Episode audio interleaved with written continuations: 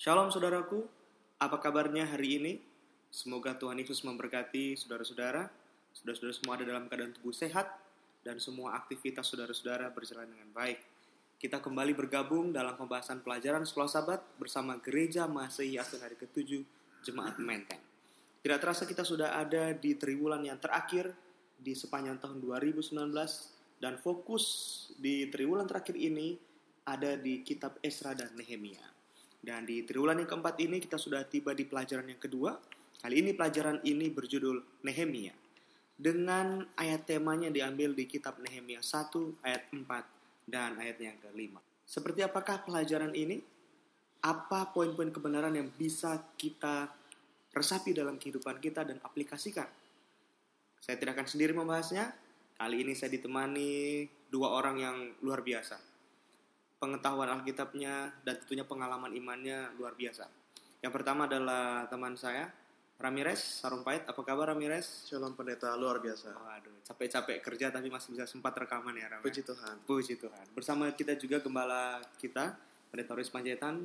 Halo Pendeta, Shalom, Pendeta Dedi. Shalom juga, Ramirez. Shalom pendeta. semuanya sehat ya? Alhamdulillah. Puji Tuhan kalau gitu. Semuanya ada dalam keadaan tubuh yang sehat. Oke, kita akan membahas tentang Nehemia. Siapa yang lebih dulu mau mengawal ini? Eh, apa sih perbedaan antara Esra dan Nehemia? Pendeta dulu atau Ramirez dulu nih? Rami, Rami. Ramirez dulu ya. Saya dulu. Oke, jadi em, perbedaannya adalah kalau misalkan Ezra itu memang di kepulangan di awal-awal. Mhm. Karena kan kita masih berbicara tentang kepulangan bangsa, Bangsa Israel. kembali ke tanah eh, leluhur mereka. Oke. Nah, setelah itu ternyata pembangunan itu terhenti ataupun tersendat Hmm. karena bangsa-bangsa sekelilingnya pada protes dan melakukan perlawanan terhadap bangsa Israel. Oh. Sehingga pada saat Nehemia mendengar kabar tersebut, sedihlah hatinya dia. Mhm. Nah, gitu ya. Jadi itu uh, awalnya dan dia uh, kalau misalnya nanti kita pelajari lebih lanjut lagi, dia Mhm. akan uh, berdoa berpuasa sama Tuhan. Setelah itu nanti akan ada jawaban doanya dan selanjutnya nanti. Tapi nanti kita bahas pendeta. Itu Ah. itu itu sekilas perbedaan antara Esra dan Nehemia Nah, ya. sekilas. Jadi Nehemia muncul setelah kepulangan Esra ke tanah eh, tanah leluhur ya ke Iya. Yerusalem. Oke, Pak Pendeta. Apa sih sebetulnya yang akan kita pelajari sepanjang sabat ini, Pendeta? Iya, pelajaran mengenai Nehemia ini masih berlanjut dari kisah Esra Oke. tentang akan berakhirnya masa pembuangan di Babylon maupun Medo Persia. Kan begitu. Ya. Tapi yang mau kita lihat di sini adalah bagaimana kepulangan yang pertama itu harus dilanjutkan dalam kepemimpinan Nehemia. Mhm. Ini penting. Tuhan tidak mau bangsa Israel lama di pembuangan. Yes. Mereka harus kembali ke tanah leluhur mereka. Karena kenapa? Ini adalah janji Tuhan. Untuk, Mhm. untuk menjadikan bangsa Israel ini menjadi umat kesayangannya, Mhm. bangsa pilihannya Mhm. dalam memberitakan kabar keselamatan. Bukan hanya bagi orang Israel, tapi bagi semua bangsa. Mhm. Itu berarti dapat saya simpulkan bahwa ini kan bagian dari rencana Allah. Ya. Itu juga yang eh, Allah telah sampaikan kepada Daniel ketika Allah menjawab doa Daniel, Allah ungkapkan nubuatan Iya. bahwa bangsa Israel akan kembali lagi ke tanah leluhur mereka. Jadi bagian dari plan Tuhan untuk mengembalikan mereka nggak boleh berhenti. Ya. Begitu ya, Ramirez dan Pendeta ya. Jadi nggak boleh berhenti. Apa pun yang terjadi, walaupun sepertinya dan kelihatannya itu terhenti, tapi sesungguhnya Allah sementara punya rencana untuk meneruskan ini semua. Ya, ini menarik juga. Meskipun ada kabar baik dari Tuhan, tapi ini bukan menjadi kabar baik bagi orang Israel akan pulang. Hmm. Karena mereka melihat tersendat. Ya tersendat. Terbukti dalam kepemimpinan Esra masih banyak rintangan ataupun pergolakan terhadap kembali mereka ke tanah leluhur. Ya, mereka masih diliputi keraguan-raguan. Apakah ini benar? Kan begitu. Jadi kabar baik dari Allah belum tentu juga kabar baik bagi orang Israel. Meskipun itu datang dari sorga. Dari surga. Iya.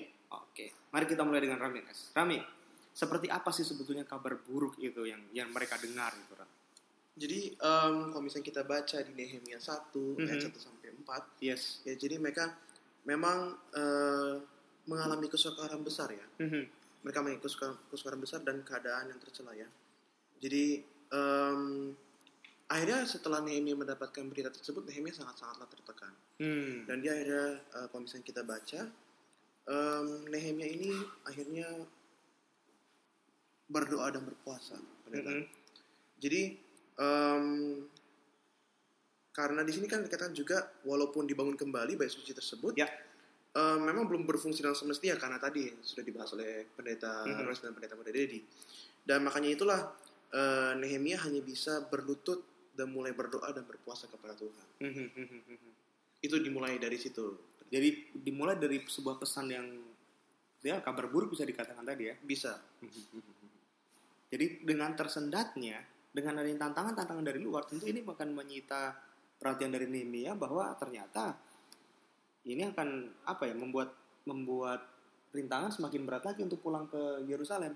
Ya, betul. Tapi gantinya dia mungkin tertekan, putus asa, kecewa dan menolak panggilan Allah. Yang dilakukan oleh Nehemia kemudian adalah dia berpuasa. Ini sebuah aplikasi yang bagus nih, Pak Pendeta dan Rami nih. Seberapa sering ketika tantangan itu kita hadapi, kita berdoa dan berpuasa sama Tuhan. Sepertinya kalau kita mau berdoa dan berpuasa, tunggu satu tribulan satu kali Pak Pendeta. Ya, kalau berbicara mengenai doa dan puasa, kalau kita tahu puasa itu kan doa dengan tubuh. Yes. Artinya kita mengabaikan keinginan tubuh kita. Kan begitu? Mhm. Supaya kita bisa mengendalikan tubuh kita dan kita tidak lagi jatuh dalam dosa terlalu dalam. Eh, terlalu banyak kan gitu kan? Betul. Jadi puasa itu adalah doa dengan tubuh kita. Mhm. Lalu bagaimana dengan berdoa? Mhm. Berdoa ini penting. Karena berdoa itu memberikan kesempatan bagi kita Mhm. untuk mengakui kekurangan dan kelemahan kita. Hmm. Jadi anatomi doa perlu kita pahami juga di sini. yes. Selain doa dan puasa, tapi ada juga anatomi doa. Apa yang dilakukan oleh Nehemia ketika dia melihat banyak tantangan yang akan dihadapi dirinya maupun kumpulan orang orang-orang Israel di pembuangan ketika mereka kembali ke tanah leluhur. Mhm. Perlu dipahami. Kadang-kadang kita menghadapi persoalan berat. Yes. Itu kabar baik. Seperti Jeremia. Bukan kabar buruk ya. Bukan kabar buruk. Tapi apa yang dilakukan oleh Jeremia? Mhm. Kenapa aku Tuhan? Mhm. Ada ketakutan, kecemasan. Seharusnya itu kabar baik. Dia harus menyambut. Ini yang tidak disadari oleh orang-orang Israel yang ada di tanah pembuangan. Tidak bersyukur. Bentar, ah, bagaimana caranya pendeta? Sebuah kabar buruk, sesungguhnya itu kabar baik. Bagaimana melihat hal itu? Ini yang pertama dilakukan oleh Nehemia. Dia berdoa meminta petunjuk dari Tuhan. Agar apa? Agar dengan jawaban Tuhan dari dari doa yang disampaikan itu, dia bisa Mhm. meyakinkan bangsa Israel itu sekali lagi untuk dapat memiliki iman membangun kota Yerusalem dan Hmm. I see. Oh, Oke, poin yang bagus sekali. Ramirez, ya gimana pendeta bagaimana dengan pengalaman Ramirez? Pasti tidak tidak sedikit tantang-tantangan yang Ramirez hadapi ya dalam kehidupan ya. Apalagi usia muda, pekerjaan, baru selesai tamat dari perkuliahan. Seberapa penting sih doa dan penyerahan kepada Tuhan lewat puasa, Rami? Jadi memang kalau misalkan doa dan puasa ini memang sangat penting pendeta. Karena memang bukan hanya saja kita berfokus kepada puasanya, tapi Mhm. kita berfokus untuk menyangkal diri. Ya, ini nih. Karena kalau misalnya kita berpuasa, toh kita benar-benar tidak mau makan sesuatu yang biasa kita makan. Kan? Betul. Apalagi kalau misalnya puasa itu menjadi rutin- rutinitas pendeta. Mhm. Mhm. Seperti pendeta, pendeta katakan kan, ah mungkin cuma satu tribulan sekali Satu kan. bulan sekali itu juga ada program. Ah itu Kalau mungkin nggak ada program. nggak akan puasa saya. Eh, mungkin eh, kalau misalnya sudah jadi kebiasaan itu akan menjadi su- suatu sistem yang Mhm. mudah untuk kita bertarak mungkin pendeta. Ah betul. Ah jadi ya. memang dalam menghadapi dalam mencari pekerjaan kemarin memang saya mungkin bisa dibilang puasanya ya puasa yang setengah-setengah mungkin pendeta ya. Mhm. tapi memang eh, selain puasa itu seperti yang tadi saya katakan juga perlu penyerahan diri dan berfokus kepada Tuhan. Jadi bukan hanya sekedar puasa, aduh, gue lapar nih, Nah. kapan nih buka puasanya? Tapi Aha. kita perlu juga dengan meditasi Alkitab Mhm. dan bahkan mungkin kita perlu support dari pelajaran soal sahabat ataupun Mhm. tulisan-tulisan dari nyawa. Bagus sekali ini. Karena ketika kita berpuasa dan berdoa, sesungguhnya kita sementara menyerahkan segala sesuatunya kepada Tuhan. Karena kita merasa tidak mampu dengan apa yang sementara kita hadapi. Nehemia 1 ayat 4, ketika aku dengar berita ini, duduklah aku menangis dan berkabung selama beberapa hari. Aku berpuasa dan berdoa ke hadirat Allah semesta langit. Ketika Nehemia mengalami keputusasaan, eh, ya tantangan besar dalam kehidupannya yang dilakukan adalah berdoa dan berpuasa. Saudara-saudara semua, saudara-saudara sekalian, ketika saudara-saudara mengalami kesulitan dalam kehidupan saudara, apakah respons yang pertama kali saudara lakukan? Pastikan respons pertama yang saudara lakukan adalah seperti yang Nehemia lakukan. Saudara berdoa dan berpuasa. Oke, Pak Pendeta atau Rami ini, bagaimana sih konten doa Nehemia ini yang menarik dari konten doanya? Karena yang dia lakukan adalah uh, berdoa yang terstruktur sebetulnya. Jadi kalau saya perhatikan isi doanya, dia membesarkan nama Tuhan. Kemudian dia coba untuk meyakinkan Tuhan agar Tuhan mendengar doanya. Yang lebih penting daripada itu adalah dia mengakui keterbatasannya ketika dia mengakui dosa-dosanya. Kemudian dia dia nyatakan kepada Tuhan agar Tuhan ingatlah janji-janjimu. Jadi rupanya berpola ini doanya ini. Ketika dia telah menyatakan doanya kepada Tuhan agar Tuhan mengingat janji-janjinya, kemudian dia bilang sama Tuhan, Tuhan dengarkan doaku dan jaminkanlah kemakmuran dan belas kasihan. Tapi poin pentingnya adalah ada di ayat yang ke-8 ketika kembali diingatkan akan janji-janji yang Tuhan telah nyatakan kepada mereka bahwa Tuhan akan memulihkan mereka.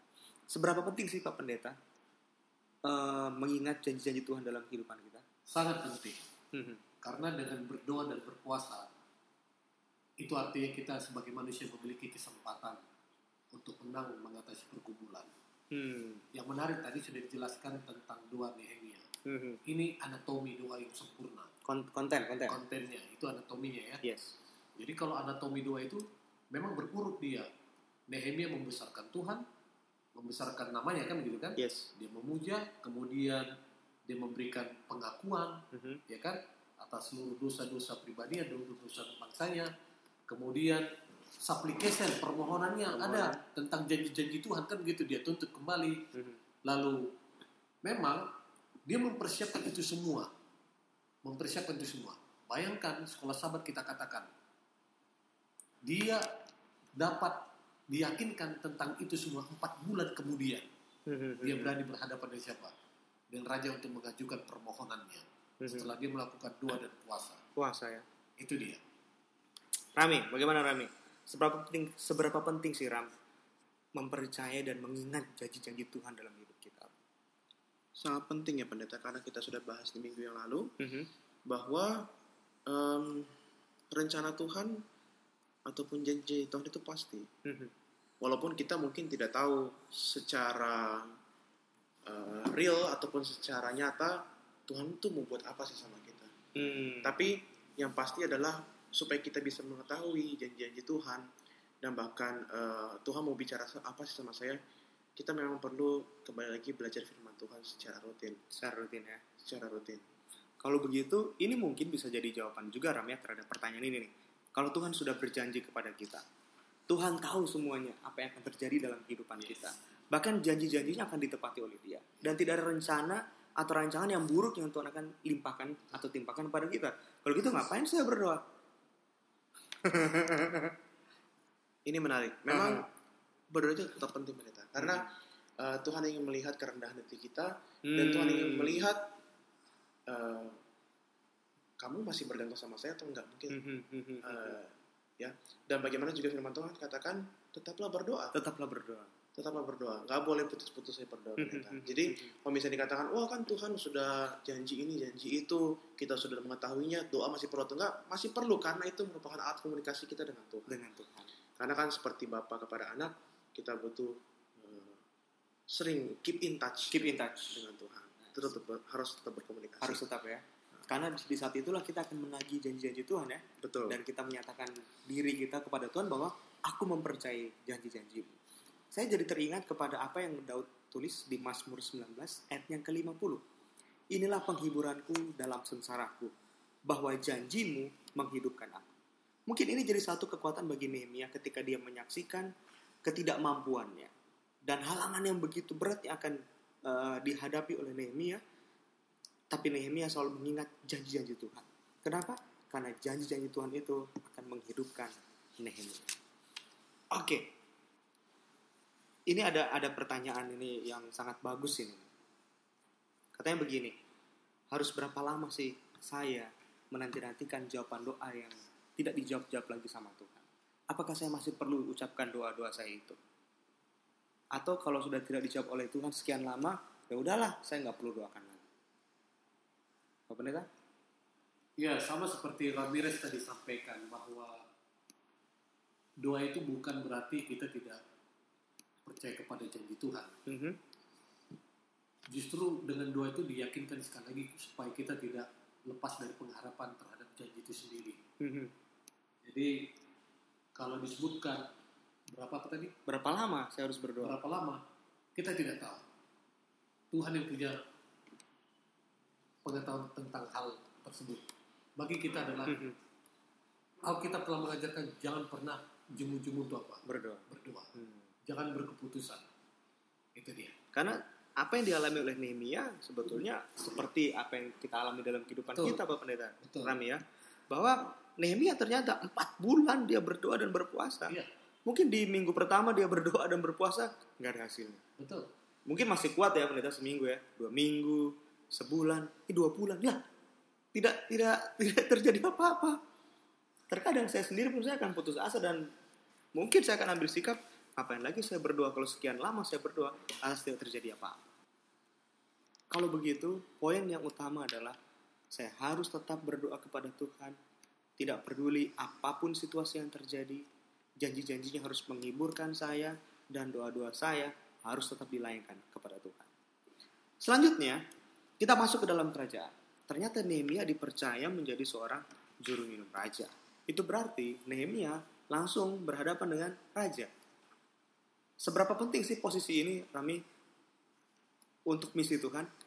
Kalau misalnya kita baca lagi ya di dalam firman Tuhan, mm -hmm. uh, mungkin sobat Spotify uh, nanti bisa baca juga sekolah sahabatnya, karena pasti kan sambil mendengar ini sambil baca sekolah sahabat. Pasti, ya. betul, betul. Jadi um, juru minum ini bisa dikatakan bahwa dia langsung uh, berhubungan langsung dengan raja. Dengan raja. Apalagi kalau misalnya ada spesial uh, apa namanya acara-acara khusus, mm -hmm. Pasti uh, Nehemia sangatlah berperan penting dalam memilih minuman yang terbaik buat raja. Buat raja. Ya. Jadi memang uh, walaupun dikatakan mungkin juru Minum. minuman dalam tanda kutip ya mm -hmm. mungkin hanya sebagai pelayan tapi itu merupakan jabatan yang strategis. Ya, kita pikirin hanya antar-antar minuman ya. Iya. Tapi ternyata lebih daripada itu. Lebih ya? daripada itu. Jadi sebenarnya hidupnya raja juga bergantung dari Nehemia. Betul. Karena kalau misalnya tiba-tiba nanti ada ada yang menyelundupkan racun, ya Nehemia yang bertanggung jawab kalau misalnya gak ada Nehemia, ya, betul. ataupun gak ada juru minuman, ya siapa nanti yang mencegah akan hal itu? Jadi memang posisi sangat penting. Sangat penting. Oke, kalau gitu, apa hubungannya dengan misi yang Allah sementara titipkan kepada Nehemia? Apa pentingnya posisi ini bagi bagi Nehemia dan bangsa Israel? Um, seperti mungkin kalau misalnya kita lihat Daniel zaman dulu ya, mm-hmm. uh, Daniel juga mempunyai posisi yang penting pada mm-hmm. saat uh, zamannya Raja Darius. Ya. Raja ya. Darius. Jadi memang Nehemia menjadi orang yang berpengaruh, mm-hmm. menjadi orang yang bisa dikatakan menjadi terang bagi raja mm-hmm. secara langsung, mm-hmm. dan bahkan karena raja pun waktu Daniel Raja Darius percaya terhadap Daniel, mm-hmm. semua rakyatnya harus menuruti Allahnya Daniel. Begitu juga dengan, ya. begitu juga dengan ya. Jadi personality, karakter dari Nehemia langsung dilihat dan diperhatikan oleh raja ya. Betul. Itu itulah yang membuat kemudian raja memberikan apa ya? Memberikan uh, apa istilahnya? Tugas langsung bahkan membebas tugaskan juru minum untuk menjadi gubernur di daerah yang lain. Betul, gitu kan? Jadi rupanya Allah dapat bekerja melalui Nehemia walaupun Nehemia kesannya di pemandangan kita hanya menjadi seorang juru minum. Pak Pendeta, seberapa penting sih sebuah situasi uh, yang kita sementara hadapi dalam kehidupan kita? Mungkin ya di mata seseorang posisi saya atau kekuasaan yang saya dapatkan mungkin tidak sehebat uh, citranya lah pendeta, labelnya gitu. Tapi sesungguhnya Tuhan bisa menggunakan saya di posisi itu untuk menjadi juru kabarnya. Sebenarnya jabatan itu kan komplimen, tambahan hmm. saja tapi yang penting adalah bagaimana diri kita menjadi pusat pengaruh bagi orang lain. Hmm. Apalagi ditambah dengan jabatan itu sendiri. Itu sebabnya jabatan itu merupakan saya senang yang dipakai oleh kitab Esther pasal 4 ayat 14. Ya. Kata siapa tahu. Hmm. Kata siapa tahu ini menekankan betapa Allah bekerja dalam diri seseorang. Ya. Ini yang disebut dengan berkat terselubung. Hmm. Jadi jabatan Nehemia itu adalah berkat terselubung dan Nehemia telah menyadari kedudukannya sebagai juru minum raja, dia memiliki kesempatan yang sangat besar untuk menyelamatkan bangsanya. Sama seperti Esther. Mhm. Dengan kedudukan yang besar itu pula, dia dapat menyelamatkan bangsanya Mhm. dari penganiayaan atau persekusi kan gitu kan, Mhm. Mhm. dari kepunahan. Jadi kita bersyukur seperti apa yang disebut oleh Ramirez tadi. Kita harus menempatkan diri kita menjadi berkat bukan hanya bagi diri kita, Tapi bagi semua orang. Semua orang. Karena Tuhan yang sudah memberikan itu pada kita. Itu dia. Itu berarti Tuhan tidak mau kita merasakan berkat dan nikmat itu seorang diri ya. Betul. Sama seperti Nehemia, Esther, Daniel tadi Iya, yang disampaikan oleh Ramirez, bahwa ternyata eksistensi kita di tempat itu itu adalah berkat bagi eksistensi juga umat-umat Allah yang yang Lain. lainnya. Oke. Sekarang next. Ketika pekerjaan ini dilakukan oleh panggilan ini dijalankan oleh Nehemia.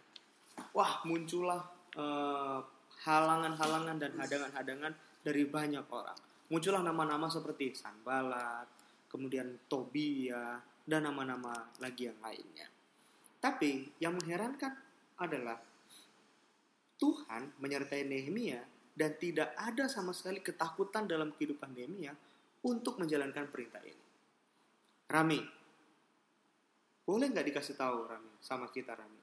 Apa sih yang membuat Nehemia tetap optimis bahwa Tuhan bersama-sama dengan mereka dan bahwa pekerjaan ini akan tetap diselesaikan sesuai dengan rencana Allah? Bisa saya katakan pendeta Mhm, bahwa istilahnya Tuhan sudah instruksikan. mhm. Kalau Tuhan sudah instruksikan, nggak akan ada yang bisa menghancurkan, Menghalangi ya. menghalangi. Nggak akan pernah ada yang bisa, walaupun mungkin ada tetap rintangan-rintangan. Seperti Mhm. tadi kan ada gubernur-gubernur sebelumnya, Ya. eh, di sekelilingnya, Mhm, bahkan sebelum Nehemia pun berbuat sesuatu, mhm. udah ada pertentangan aja. Oposisi sudah mulai bermunculan. Jadi sebetulnya nggak usah takut, karena janji Tuhan itu seperti tadi kita sudah dikatakan di awal, janji Tuhan itu pasti. Mhm. Jadi nggak akan pernah ada namanya, ya walaupun rintangan itu pasti ada, Mhm. pencobaan itu pasti ada, tapi pasti Tuhan beserta dengan kita. Kalaupun eh, istilahnya eh, Tuhan itu pasti beserta kita dan kita tuh pun seperti kita kan perlu penyerahan. aplikasinya nih Ram ya. Nah. Entah di dalam rumah tangga kita, pekerjaan kita, bahkan di dalam gereja, ketika sebuah program akan dijalankan, ada sesuatu yang perlu kita lakukan. Ini untuk bukan hanya untuk kebaikan kita loh ini, untuk keluarga Kebanyakan kita, banyak orang, ya. banyak orang ini. Banyak sekali orang-orang yang tidak senang dengan apa yang akan kita lakukan. Dan kita nggak bisa pura-pura tutup mata atau tutup telinga dengan hal ini. Karena kita melihat dan kita mendengarkan hal itu. Apa respons yang harus kita lakukan? Kalau saya pribadi pendeta ya, em, setelah belajar ya, eh, kita harus tetap rendah hati. Hmm. Dan kita harus melihat eh, contohnya Yesus. Hmm. Yesus pun eh, yang paling eh, konkret contohnya Mhm. dia ditolak sama ahli-ahli Taurat, sama Yes. orang-orang Farisi. Jadi eh, istilah katanya bahasa mungkin bahasa gaulnya Yesus pun ada penolakan bagaimana Mhm. kita. Mhm. Nah makanya eh, pada saat hidup di dunia pun Yesus pun butuh penyerahan. Dia berdoa kepada Iya. Bapaknya di surga. Betul Kita pun sekali. juga harus melakukan hal yang sama. Mhm. Seperti itu pendeta. bahkan ketika Yesus dan murid-muridnya berbeda visi, ya kan? Apa yang Yesus sementara mau lakukan berbeda dengan apa yang murid-murid ingin Yesus lakukan. Iya. Tapi Yesus tetap rendah hati dan menjalankan misinya sebagaimana mestinya. Betul pendeta? Iya, saya sangat setuju sekali. Memang kita perlu memahami dalam Nehemia pasal yang kedua, Mhm. perihal tentang musuh-musuh Yerusalem. Kan Mhm. begitu. Mhm.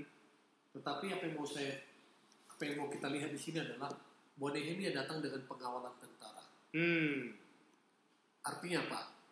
Bahwa Nehemia memang didukung oleh siapa? Raja. Raja. Kan begitu. Yes. Jadi pengaruh-pengaruh yang baik ini sekali lagi dia tunjukkan bahwa ada raja di belakang dia. Mhm. Tetapi walaupun ada tentara yang mengawal dia, Nehemia tidak melakukan hal-hal yang sepertinya Anarkis ya. anarkis. Atau eh, sok banget. Iya, gitu sok ya. banget. Oh, gua dikawal Iya. nih. Dia tidak menunjukkan kewibawaannya sebagai seorang yang memiliki pengaruh Mhm. di dalam kerajaan. Tapi justru dia menggunakan itu, dia justru mendekatkan diri untuk menarik apa? Mhm. Minat dan simpati dari musuh-musuh Yerusalem. Ingat, kalau kita lihat dalam pelajaran tentang Esra, Mhm. itu hanya dua suku yang ikut. Mhm. Tapi Nehemia pengen semua suku orang Israel itu kembali, Kembali. bersatu ke tanah leluhur. Mhm. Itu sebabnya dia datang mendekatkan diri meskipun dikelilingi oleh musuh-musuh dia harus datang untuk menyampaikan kabar baik ini Yes. itu dia Itu berarti kabar baik itu bukan hanya bagi orang-orang yang sementara mau pulang, tapi untuk orang-orang yang tinggal di sana. ya Dalam hari ini orang-orang Samaria yang sudah kawin campur dengan betul orang Asyur, bahkan bangsa-bangsa lain yang dibawa oleh orang iya. Asyur, orang sorry, orang Asyur di sana. ya Ada kalimat yang menarik di pelajaran sahabat kita di hari Kamis bahwa Nehemia ketika dia bergerak maju untuk membangun, dia bergerak dengan hati-hati dan penuh doa. Bagaimana caranya ini Pak Pendeta Rami? Saya mau maju, bergerak, tapi hati-hati penuh doa. Ini orang bisa bilang saya banci banget sih lo jangan kayak gitu. Ram, gimana Ram? Jadi em, mungkin ini salah satu mungkin pemikirannya dia, Mhm. kebijaksanaannya dia, kebijaksanaannya dia selama dia menjadi juru minum di istana waktu itu. Hmm. Jadi memang kalau misalnya kita baca di Nehemia 2 ayat 11 sampai 20, Mhm. dia melakukannya secara diam-diam dan itu Hmm. malam-malam dan orang pun nggak ada yang tahu. Nggak ada yang tahu. Sama sekali nggak ada yang tahu. Dia keep sendiri karena kan dia perlu observasikan wah saya harus ngapain, saya harus ngapain, Hmm. terus bagaimana cara saya mengatasi Mhm. para oposisi. Mhm. Makanya kan kalau misalnya bisa kita katakan mungkin bahasanya Nehemia ini bisa dikatakan cerdik seperti ular, tapi dia tetap tulus tulus seperti seperti merpati ya. merpati.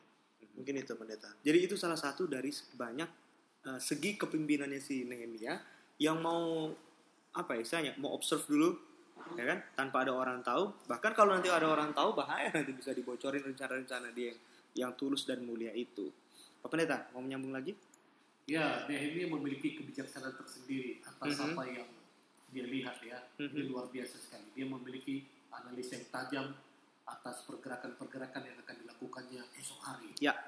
Tapi yang terpenting di sini adalah kita harus belajar seperti Nehemia. Mhm, Banyak mengobservasi diri, mhm, ya kan. Kemudian kita mungkin merasa nyaman, tetapi jangan pernah tinggalkan doa. mhm. Salah satu yang diajarkan sekolah sahabat kita adalah Nehemia memiliki pola hidup berdoa dan juga bertindak hati-hati terhadap apa yang akan dia kerjakan. dia kerjakan Itu dia. Ah, luar biasa Eh, apa yang dilakukan Nehemia kemudian adalah dia coba untuk membangkitkan semangat orang-orang dengan kata-kata yang menghibur dan menguatkan. Seberapa penting sih Rami the power of words ini? Eh, kuasa dari kata-kata Rami. Jadi em, motivasi itu tetap perlu pendeta. Apalagi motivasi dari firman Tuhan karena Ya. kan eh, banyak banyak sekali motivasi-motivasi dari firman Tuhan yang sangat-sangat menyejukkan hati. Hmm, Dan memang eh, kita pun sebagai orang yang mungkin di posisi yang lemah mhm, pada saat orang lain memotivasi kita, mhm, harusnya kita terima motivasi itu. hmm. Karena eh, mungkin kita berkata, ah kan kamu nggak tahu masalah saya, tapi dengan mau ada motivasi itu memberikan kita semangat Mhm, untuk melakukan sesuatu yang lebih baik. lebih baik dan ke langkah selanjutnya. Begitu juga dengan cerita Nehemia ini, Mhm, dia cerita ke semua orang-orang yang ada di tanah leluhur itu, eh gini loh, apa namanya, saya punya rencana seperti seperti ini. mhm, Yuk kita tetap semangat. Tuhan Hmm. masih punya eh, Tuhan tetap percaya sama kita. mhm. Dan itulah yang membuat akhirnya dan semuanya yang di situ menyambut akan hal itu. Itu yang bagus. Jadi pada saat kita memberikan sesuatu, orang lain juga menyambut. Itu sih. Mungkin Mhm. pendeta Chris Iya, saya setuju dengan Ramirez. Kata-kata yang muncul dari Nehemia ini kan untuk mengajak responsif daripada orang-orang Israel. Mhm. Bagaimana dia membangkitkan Semangat. semangat dari orang-orang Israel waktu di dalam eh, di tanah pembuangan. Mhm, Nah, kita harus lihat kembali di sini. Kalau orang-orang tertindas, pengharapannya apa? Kemerdekaan. Kemerdekaan kan gitu kan? Lalu bagaimana menggambarkan kemerdekaan di mata mereka selama 70 tahun di pembuangan itu? Itu belum ditemukan oleh siapa? Iya. Oleh generasi-generasi di pembuangan. Karena Betul. selama 70 tahun kan ada silih berganti lahir, Mati. mati, mati Hmm. lahir lagi kan begitu. Ya. Generasi yang baru lahir ini nggak mengerti. Mhm, mhm. Itu sebabnya Nehemia harus datang kembali untuk membawa ini loh kabar Tuhan itu kan gitu. Ini kabar Tuhan mengenai kelepasan. Dulu kamu nggak di, di sini tanahmu, tapi ya Pak di Israel, di Yerusalem. Nah kita nggak boleh di sini, kita harus kembali. Dan ingat kita ini adalah bangsa pilihan Tuhan, bukan di sini. Nah itulah seperti saudara Nils katakan tadi bahwa ini perlu perlu membangkitkan semangat. Kata-kata pengharapan itu merupakan kata-kata yang dibutuhkan oleh siapa? Oleh orang-orang berdoa. Itu dia. Itu berarti ketika kita ada di dalam kumpulan mana pun, Pastikan kata-kata kita adalah kata-kata yang membangun dan membangkitkan semangat semua orang yang sementara kita temui. Sehingga waktu mereka mendengarkan kata-kata semangat yang kita ucapkan secara tidak langsung, mungkin mereka mengalami patah semangat seperti tadi yang Rami katakan. Dan ketika kita mengucapkan kalimat-kalimat yang membangkitkan semangat, wah Tuhan dimuliakan. Kita tiba di beberapa poin-poin yang bisa kita uh, bagikan saat ini sehubungan dengan pertanyaan-pertanyaan aplikasi dalam kehidupan kita sehari-hari. Okay. Uh, eh, kita belajar Esra, Nehemia, kita menyadari bahwa ada kekuasaan politik yang secara tidak langsung, bahkan saya bisa katakan secara langsung, turut membantu apa yang Esra dan Nehemia sementara kerjakan. Ya kan? Jadi mau tidak mau ternyata Eh, hal-hal uh, ini pendeta tidak lepas dari dukungan politik dan mereka terima hal itu.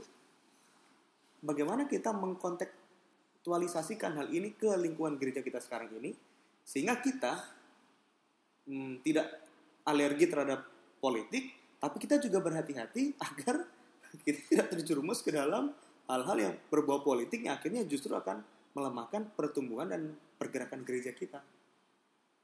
Jadi poinnya yang apa ini sekarang ini? Yang perlu yang, yang perlu kita lakukan, pendeta. Oke. Okay. Memang kita memang tidak boleh terlibat dalam politik-politik praktis yang sifatnya hmm. memecah belah ya. Yang memecah belah kemudian yang mencari keuntungan diri sendiri. Tetapi kita mau melihat kembali apa pelajaran yang kita dapatkan pada saat ini. Allah turut bekerja dari siapa pun kepada siapa pun dengan cara apa pun untuk melepaskan umatnya. Hmm. Termasuk bangsa-bangsa kafir, hmm. raja-raja kafir. Itu artinya apa? Allah tidak bisa dikendalikan oleh pemikiran kita tentang hal-hal kalau saya rohani harus rohani yang melepaskan saya tidak. Tetapi Tuhan menggunakan subjek-subjek tertentu kan gitu kan untuk menjadi media media lain dalam menyelamatkan kita. Contoh, mungkin kalau tidak ada Lucifer, mm-hmm. tidak ada pengampunan. kan ya, karena kita tidak mengenal dosa. Tidak ya. mengenal dosa kan gitu kan? Tapi yang mau saya terangkan di sini adalah Allah tetap memperkenalkan mahakaryanya mm-hmm. kepada umat-umat Tuhan melalui apa? Dunia yang luas ini. Yes. Bahkan di dunia yang berdosa ini, yang berdosa kita ini, masih sanggup melihat karya Allah yang karya Allah itu dia. Jadi karena ini sifatnya adalah nubuatan. Mm-hmm. Allah sudah tahu. Mm-hmm. Nubuatan ini merupakan karya Allah mm-hmm. untuk menyatakan kelepasan bagi orang Israel. Yes. Jadi dia gunakan apa? Politik itu tadi. Politik apa? Ya politik bangsa-bangsa yang muncul dan tenggelam meskipun dari peperangan kan gitu dan bukan dari umat-umat Allah dan bukan dari umat-umat Allah tapi dari peperangan mm-hmm. Tapi beberapa umat-umat Israel yang ditawan muncul sebagai apa? Hmm. Sebagai pemerintah-pemerintah kan gitu kan? Wakil-wakil pemerintah di tanah pembuangan. Okay. Mereka jadi berkat. Itu berarti rencana Allah tetap harus jalan. Harus jalan. Bagaimanapun e, nanti itu dijalankan oleh iya. Allah, manusia tidak dapat menyelami bagaimana rencana Allah itu. Betul. Manusia hanya bisa menikmati bagaimana rencana Allah itu dijalankan dan inilah salah satu dari iya. sekian banyak cara Allah memenuhi rencananya. Rami, saya tidak yakin Esra dan Nehemia pun pede dan lantas mengatakan Tuhan saya siap. Setuju nggak Ram? Setuju. Karena ini bukan pekerjaan yang mudah. Ram, bagaimana supaya saya tidak kecil hati terhadap tugas saya yang sangat besar itu Ram? Nah ini bingung juga ya. Karena saya juga mengalaminya. Karena kan pastikan kita dalam dunia pelayanan pun kita menerima tugas pelayanan entah itu ya mungkin kalau soal besar atau kecilnya itu itu tergantung perspektif kita ya. Mm -hmm. Tapi yang membuat supaya kita tidak kecil hati itu tadi sudah dijelaskan oleh tadi pendeta Royce dan pendeta pendeta Dedi. Mm -hmm. Bagaimana um, kita harus ingat percaya janji Tuhan, mm -hmm. kita harus tetap berdoa dan kita harus tetap memotivasi diri kita sendiri. Mm. Kita harus memotivasi diri kita sendiri dan jangan lupa yang tadi seperti saya bilang tadi jangan pernah berhenti untuk berdoa mm-hmm. karena kan seperti Musa kan Musa juga ya walaupun akhirnya dia menggunakan Harun sebagai uh, istilahnya uh, sidekicknya dia apa namanya wakilnya dia ya. Mm -hmm. tapi dia tetap mau menerima segala uh, perintah Tuhan walaupun dengan kekurangan yang kita tahu. seperti itu pendeta oke okay, kalau gitu Ram mana kalau gitu lebih dulu? Tunggu saya siap dulu saya terima panggilan Tuhan atau siap nggak? Siap saya harus terima kalau tunggu siap dulu, nanti sampai kedatangan kedua kali nggak siap-siap repot. Oke. Okay. Kalau gitu apa tantangan seperti bagian anak muda sekarang, Ram? Sehubungan dengan panggilan pelayanan. Siap nggak siap? Tidak siap atau? Tantangannya mungkin kita untuk anak muda lebih ke pergaulannya. Bagaimana kita meluangkan waktu untuk pelayanan eh, bagi Tuhan. Karena hmm. pastikan namanya anak muda pasti lagi gembor-gembornya untuk mengejar karir. Ya mungkin saya pikir nggak salah ya. Hmm. Karena toh uh, kita juga bisa mengabarkan Angel pada saat kita mengejar karir tersebut. Tapi itulah mungkin kita terlalu akhirnya lama-lama mungkin setan menggunakan kuasanya untuk mm-hmm. ya inilah iya, jenjang iya. karir kamu makin tinggi tapi ya udahlah nanti nggak usah gereja ya mungkin itu bukan menghakimi tapi mungkin mm-hmm. itu yang terjadi ya saya juga kurang tahu tapi yang saya alami dan saya amati seperti itu mm-hmm. jadi memang uh, tantangannya sangat besar sekali apalagi khususnya orang muda di zaman ini karena uh, mulai diserang dari hari Sabat diserang dari mungkin uh, tidak melayani Tuhan dengan kesibukan dunia yang sangat-sangat sibuk. Termasuk minum teh juga ya? Itu hal sepele mungkin ya. yeah. hal sepele. Tapi itu yang menjadi akhirnya mungkin batu sandungan buat orang lain. Buat orang lain. Dia ini kok kok dia malah minum teh atau malah mungkin bekerja hari sabat? Ya itu itu tantangannya. Dan itu makanya kita selalu meminta para tutor gereja untuk mendoakan orang muda. Hmm, hmm, hmm, dalam segi pelayanan kesehatan dari segi uh, pencarian pekerjaan ataupun mungkin pencarian jodoh. Iya, itu yang penting. itu, itu pasti. Tapi ya itulah yang supaya kita tidak membuat kecil hati yaitu kita harus tetap memotivasi diri kita sendiri, harus diingat dalam hati kita, wah oh, Tuhan pasti punya janji yang luar biasa. Hmm. Mungkin pendeta harus bisa menambahkan kan pastikan. Nah, sebelum pendeta menambahkan, saya tidak yakin bahwa sejauh-jauhnya orang-orang muda di gereja kita lupa gereja, saya tidak yakin mereka lupa untuk paling tidak satu kali dalam hidup mereka mereka baca ayat-ayat hmm. mereka. Hmm. Saya nggak yakin. Pasti pernah ada satu masa dalam hidup mereka mereka ingat sama janji-janji Tuhan dan firman-firman Tuhan. Saya setuju. Gitu. Jadi setuju. apa sebetulnya yang bisa membuat teman-teman kita orang muda bahkan siapa saja mendengarkan hal ini yang sementara kita rindu untuk kembali lagi ke gereja bisa kita ajak kembali mereka untuk melakukan tugas yang Tuhan telah panggil. Baik. Apakah dasar panggilan tertinggi bagi seseorang? Saya setuju apa yang disampaikan oleh Ramirez. Mm -hmm. Nehemia, meskipun dia mendapat pelayanan tertinggi dari karir seorang juru raja, kemudian dia selalu menggunakan waktu berdoa berdoa Tuhan, dia tidak menggunakan segala sesuatu yang datang dari dia itu untuk menghakimi orang lain. Ah. Tidak. Saya setuju apa yang disampaikan oleh Ramirez.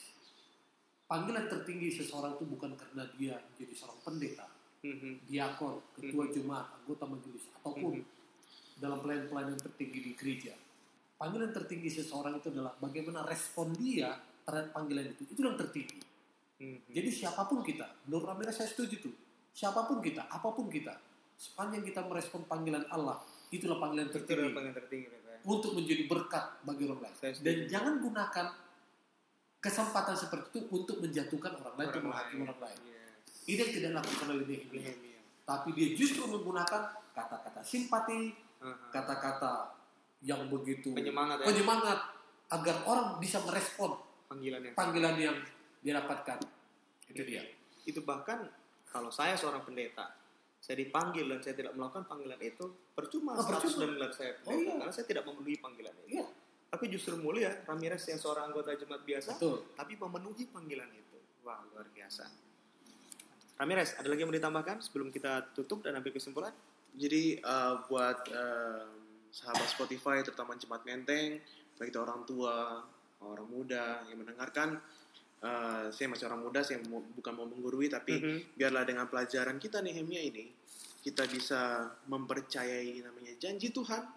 Yang pertama, tetap berdoa, rendahkan hati, stay connected to God, dan jangan pernah lupa memotivasi diri kita sendiri dan bahkan memotivasi orang lain. Mm -hmm. Karena yakin dan percaya mungkin kita melihat bahwa ih orang itu duduk di gereja ada aja. Tapi tiba-tiba bisa aja dia hilang. Yes, betul betul. Jadi Setuju saya. kita ah itu tambahan juga memerlukan uh, kepekaan kita terhadap anggota-anggota jemaat. Nah, ini anggota jemaat kayaknya lesu nih kenapa ya? Nah, kita dekati eh halo shalom apa kabar? Sehat. Mungkin kita nggak langsung nanya eh lu ada masalah apa? Nggak mungkin kan? Kita mulai dengan pendekatan. Nah itulah pesan yang bisa saya sampaikan bagaimana pada saat Nehemia datang wah semua umat-umat yang ada di tanah uh, leluhur itu langsung hmm. merespon panggilan uh, Tuhan melalui Nehemia. Amin. Apa Pendeta? Iya, apa yang disampaikan oleh Ramirez, mm-hmm. dia adalah wakil anak muda kita di gereja ini, yes. yang memiliki tabiat yang sama seperti Ramirez. Mm-hmm. Mereka adalah anak-anak muda yang rohani. Amin. Kesempatan kita sebagai seorang pendeta di gereja ini adalah tetap menjadi teladan bagi mereka. Mm-hmm. Karena tugas kita sebagai pendeta sedang mempersiapkan umat ini pendeta diri. Amin. Sampai pada kedatangan Yesus yang kedua kali. Kalau bukan kita, siapa lagi? Yes. Itu dia. Itu berarti tugas yang sama juga harus diemban oleh semua yang merasa saya bagian dari gereja ini. Betul. Semua harus terlibat. Betul. Supaya panggilan Allah ini, panggilan yang suci dan mulia ini kita boleh terima, maka apa yang Allah harapkan terjadi dalam kehidupan kita, terutama dunia ini, akan terjadi. Betul sekali. Kita akan tutup uh, sesi pelajaran swasta kali ini, meminta Pak Pendeta untuk berdoa bagi kita semua. Terima kasih Tuhan, terima kasih atas kebaikan-Mu yang luar biasa yang sudah kami nikmati. Firman-Mu telah mengajarkan kami bagaimana kami tetap percaya dan setia. Bila mana sampai pada kelepasan yang Tuhan sudah janjikan itu. Memberkati Tuhan, umat-umat Tuhan di gereja Menteng. Agar kami menjadi umat yang bisa mengatasi kesulitan. Waris kerajaan surga yang Tuhan sudah sediakan. Inilah doa kami Bapak Ampunikan dari dosa dan kesalahan kami. Di dalam nama Yesus Kristus Juru Selamat kami. Amin. Amin. Terima kasih atas kebersamaan kita. Pastikan saudara-saudara tetap mempelajari pelajaran swasabah saudara di rumah. Jangan terpaku kepada siaran ini. Dan kalau saudara-saudara belum mendapatkan pelajaran swasabah, boleh menghubungi Departemen Swasabah atau mendownload bebas di internet. Selamat mendengarkan, Tuhan Yesus memberkati. Sampai jumpa di pembahasan swasabah berikutnya.